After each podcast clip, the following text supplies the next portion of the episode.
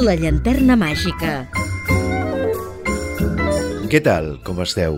Benvingudes i benvinguts una setmana més a La Llanterna Màgica, el programa apte per tots els públics. Edició número 245 des dels nostres inicis i 19 d'aquesta setena temporada. Angelo Badalamenti, el compositor de l'enigmàtica banda sonora de Twin Peaks, la sèrie de televisió de David Lynch, així com de la música de cinc de les seves pel·lícules, inclosa Blue Velvet, va morir l'11 de desembre de 2022 a la seva casa de Lincoln Park, a Nova Jersey, als 85 anys. Badalamenti estava assegut al piano darrere d'Isabella Rossellini quan va cantar Blue Velvet a l'Slow Club de Lamberton, a Nova York. També va escriure la música pel film de misteri Mulholland Drive, on va tornar a aparèixer davant de la càmera interpretant un petit paper d'un mafiós. Però, sens dubte, el treball que el va donar a conèixer a tot el món va ser el tema principal de Twin Peaks i pel que va guanyar un Grammy l'any 1990. En el món del pop i del rock, el músic va col·laborar amb David Bowie, Dolores O'Riordan, de The Cranberries, Pet Shop Boys o Anthrax, entre d'altres. Però abans d'endinsar-nos en el tema, deixeu-me que us recordi que podeu seguir la nostra activitat i escoltar els darrers programes emesos a les xarxes socials. Segueix el programa al Facebook facebook.com barra la llanterna màgica. Posem a la vostra disposició una adreça de correu electrònic per si us cal contactar amb nosaltres o fer-nos arribar les vostres consultes o suggeriments. Vols contactar amb el programa? Llanterna01 arroba gmail.com Un cop feta la presentació, comencem. La llanterna màgica, amb Jordi Terrades.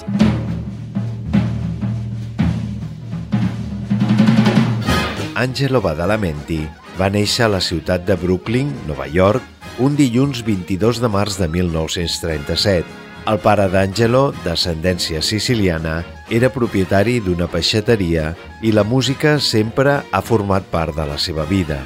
Amb només 7 anys ja tenien una pianola a casa. La música sonava amb rotllos i jo mirava les tecles mentre pressionava els pedals. Estava hipnotitzat per una cançó en particular que es deia What I Do, d'Irving Berlin. Em feia plorar.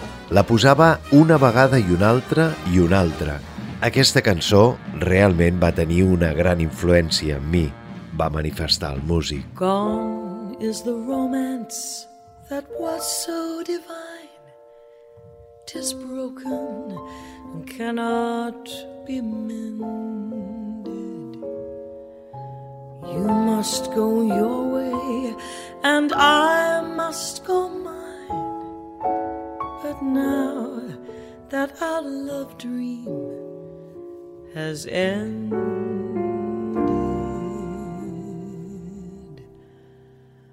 what'll I do when you are far away and I am blue? What'll I do? What'll I do when I wondering who is kissing you? What'll I do? What'll I do with just a photograph to tell my troubles to? When I'm alone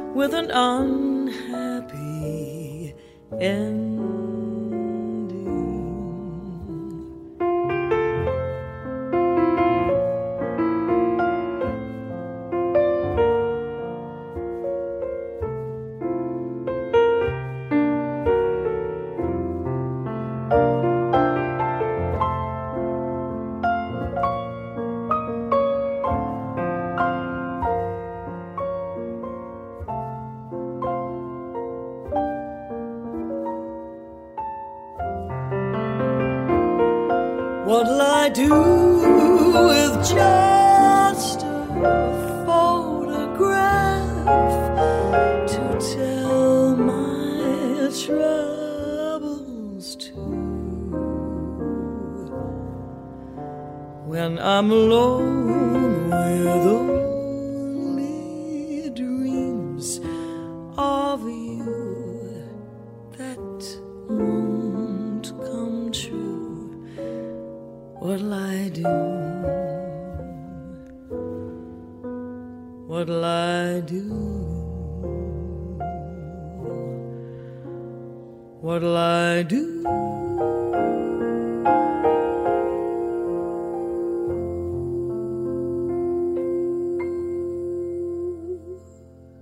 Amb només 8 anys, el jove Angelo va començar a aprendre lliçons de piano.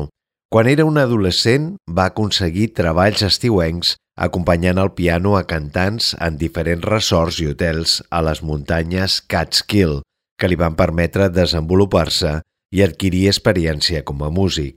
El seu germà gran era un trompetista de jazz que improvisava amb altres músics.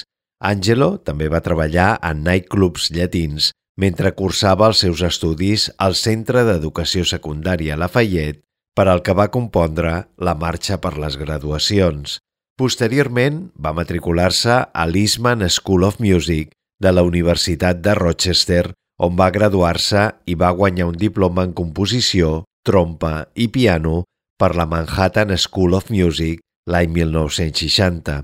Un any després va acabar el seu màster. Durant els anys 60 destacaria tant com a pianista, tocant en diferents formacions musicals, com a compositor de cançons per a duets com Perry i en Kingsley, amb els que va col·laborar durant vàries dècades.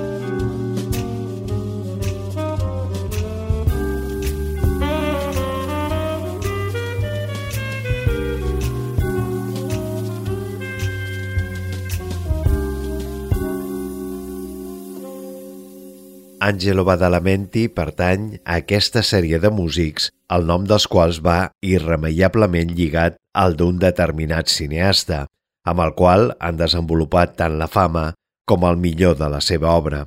Badalamenti no té una carrera excepcionalment llarga ni prolífica, però és un compositor de prestigi gràcies al tàndem que va formar amb David Lynch, especialment en el millor moment de la carrera del cineasta. El seu talent cridaria l'atenció de diversos productors de televisió i ja als anys 70 Badalamenti començaria a treballar per a diverses sèries i pel·lícules com Comando Antidroga, l'any 1973, al costat de Al Elias i Lei i Desorden, l'any següent. Desafortunadament, les produccions no van tenir gaire èxit, així que el músic ho va passar malament durant un temps. Per aquests fets, el compositor va haver de centrar la seva carrera com a pianista professional, treballant com a músic d'estudi a enregistraments i compositor de cançons.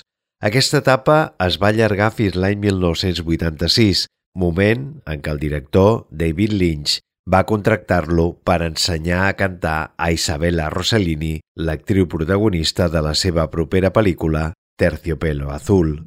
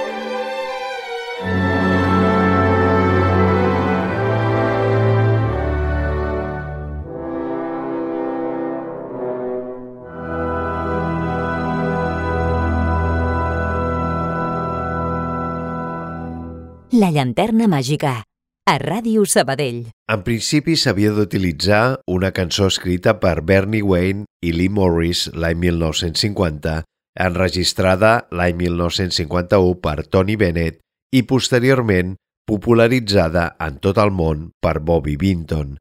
El tema musical, anomenat Blue Velvet, donaria nom a la pel·lícula i havia de ser interpretat per Isabella Rossellini, però la impossibilitat d'adquirir els drets va provocar que Badalamenti col·laborés estretament amb Lynch per l'elaboració d'una nova cançó.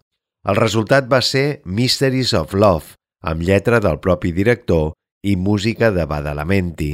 La connexió i la confiança que es va establir entre tots dos va ser tal que Lynch, fins i tot, va reservar un petit paper a la pel·lícula pel compositor, on apareix com el pianista que executa la cançó en directe mentre Rossellini la interpreta. Badalamenti, després de l'èxit aconseguit amb aquest film, va veure la seva carrera com a compositor de cine rellançada i els següents anys participaria en diverses produccions com Pesadilla en Elm Street 3, Los Guerreros del Sueño o Socorro, ja és Navidad.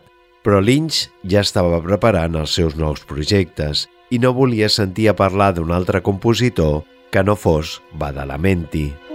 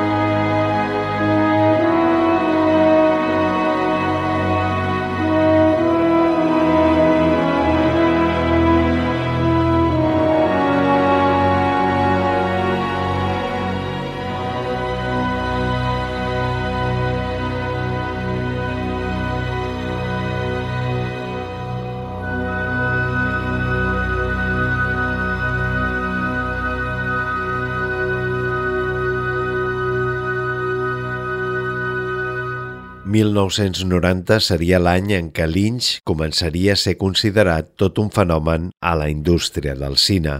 Per una banda, Corazón Salvaje, que no deixaria indiferent a ningú, però la veritable bomba va arribar amb el seu projecte per la televisió, la sèrie Twin Peaks, una autèntica fita per la història del medi.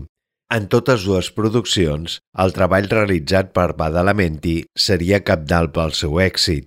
Tant és així que el tema principal de la sèrie ja és una llegenda en la música per a televisió. Una banda sonora que incidia en el misteri i en els aspectes més tenebrosos i romàntics dels seus episodis. El tema central també va ser convertit en una cançó interpretada a la pròpia sèrie per Julie Cruz.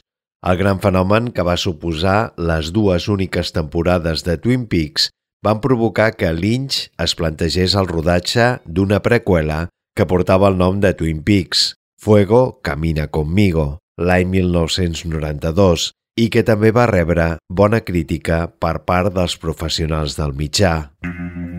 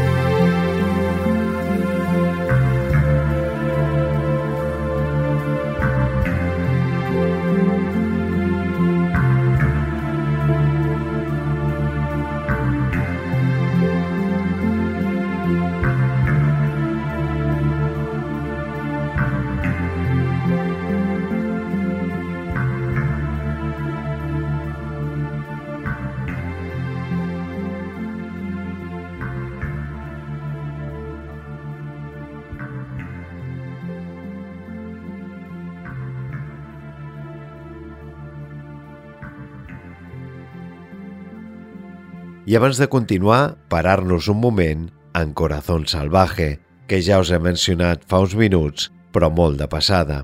La producció protagonitzada per Nicolas Cage, Laura Dern, Willem Dafoe i Harry Dean Stanton, cinquena pel·lícula de Lynch que converteix a Terciopelo Azul, el seu anterior film, en una aventura ordinària i clàssica, un Lynch desfermat, una història d'amor ultraviolenta i ultraromàntica, cinema d'autor sense concessions, adaptació lliure de la novel·la de Barry Guilford, Sailor and Lula, a càrrec del propi director, que es va enamorar de la història, però li va canviar el final i alguns elements més. La pel·lícula és una estranya road movie passada pel particular e inimitable tamís del director, que ja havia dirigit el pilot de Twin Peaks quan va començar aquest rodatge. De forma que estem davant d'un Lynch en el cim de la seva carrera, tant professional com personal, que en aquells moments tenia una relació amb l'actriu Isabella Rossellini.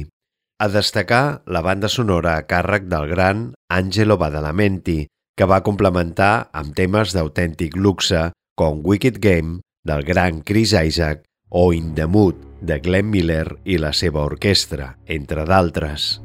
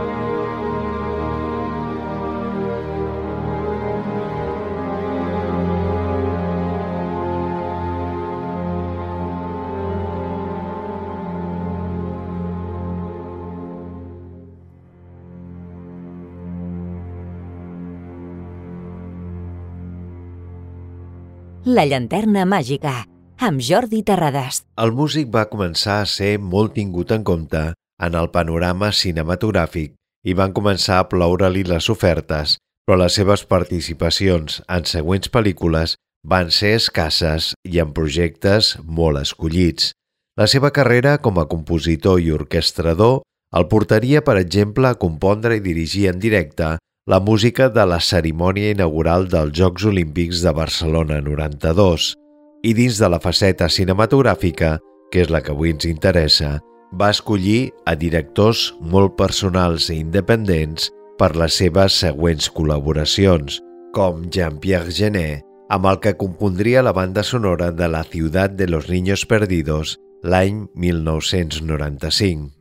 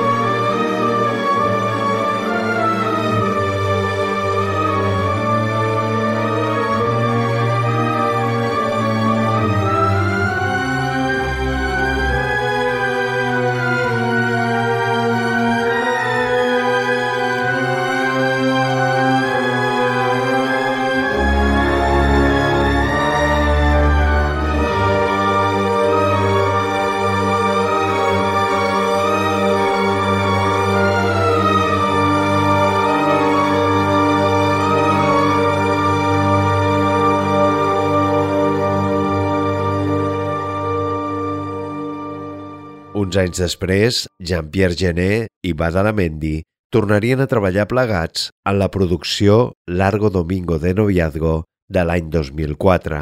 L'inclassificable director francès, que havia aconseguit popularitat i èxits internacionals amb Amélie, torna a comptar amb l'actriu Audrey Tautou com a protagonista, en aquest cas d'una adaptació de la novel·la homònima de Sébastien Jabrissot. Al finalitzar la Primera Guerra Mundial, la jove Matilda rep la notícia de que el seu promès, Manec, ha estat sotmès a Consell de Guerra per automutilació i enviat a la terra de ningú que hi ha entre les trinxeres franceses i les alemanyes, destinat a una mort gairebé segura. Matilda, que no està disposada a acceptar que hagi perdut el seu estimat, emprèn la cerca incansable contra tota esperança. L'atmosfera del film és pròpia d'un conte. Els personatges són de rondalla i l'amor de la protagonista és èpic. El còctel d'actors habituals al cinema de Gené, com Dominique Pinot o André Dussolier, s'hi afegeix la nord-americana Jodie Foster.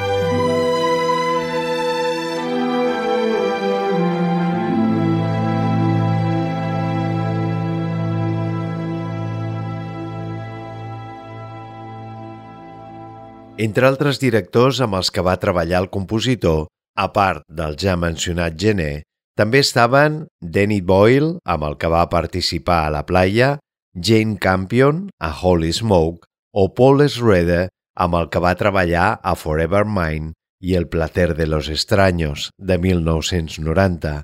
Paul Schroeder i Harold Pinter adapten la novel·la curta de Ian McEwan en aquest sensual e hipnòtic film ambientat en la vella Venècia. Rupert Everett i Natasha Richardson s'endinsen en una fosca, eròtica i sinistra relació a quatre amb Christopher Walken i Helen Mirren.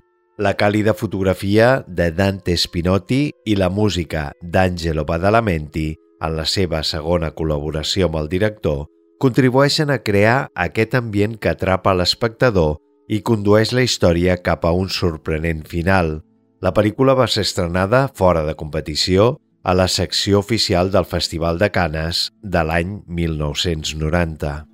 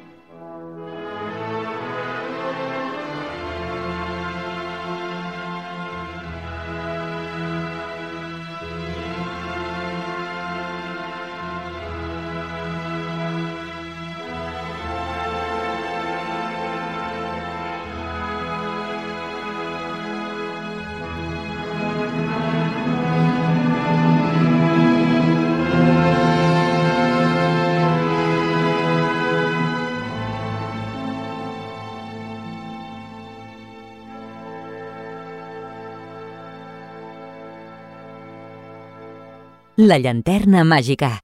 Disponible a Spotify, Apple Podcast i iVox. És curiós que entre tanta feina realitzada al llarg de la seva carrera, Badalamenti mai fos nominat a un Oscar, però Badalamenti no en tenia prou amb narrar, descriure o acompanyar, perquè això era el mínim que havia de fer un músic. La música, a més, havia de remoure les entranyes de la ficció i per això era precís separar els plecs de la imatge amb una darrera pinzellada.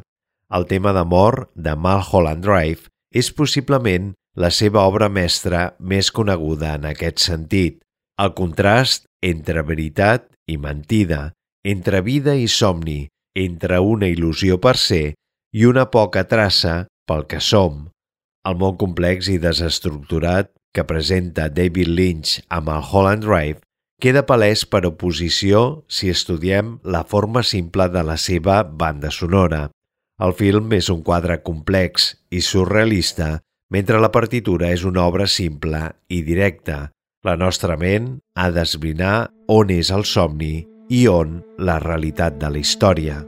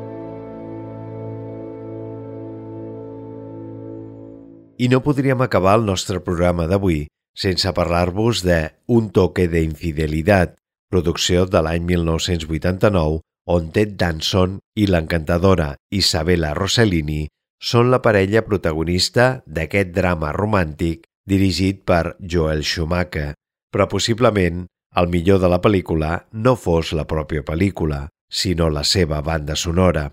Per a ella, Badalamenti va crear una de les millors bandes sonores del darrer terç del segle XX. Poques composicions per al cine s'han acostat tant a comprendre les derives de l'amor des d'una idea tan complexa com és la de la plenitud interrompuda. La seva banda sonora va augmentant la seva força i intensitat a mesura que els protagonistes van desenvolupant la seva relació, culminant en el vals que podem escoltar a l'escena final. Com us deia, una pel·lícula que va passar als anals de la història sense cap pena ni glòria, però de la que encara podem recuperar part de la seva banda sonora. Angelo Badalamenti va morir l'11 de desembre de 2022 als 85 anys d'edat a la seva casa de Nova Jersey. Per sort, la seva música segueix entre nosaltres. Rebeu una salutació de qui us ha estat acompanyant al llarg d'aquest programa, Jordi Terrades. Gràcies per la vostra atenció. Ja ho sabeu, sense vosaltres no seríem res i us esperem a la propera edició de La Llanterna Màgica.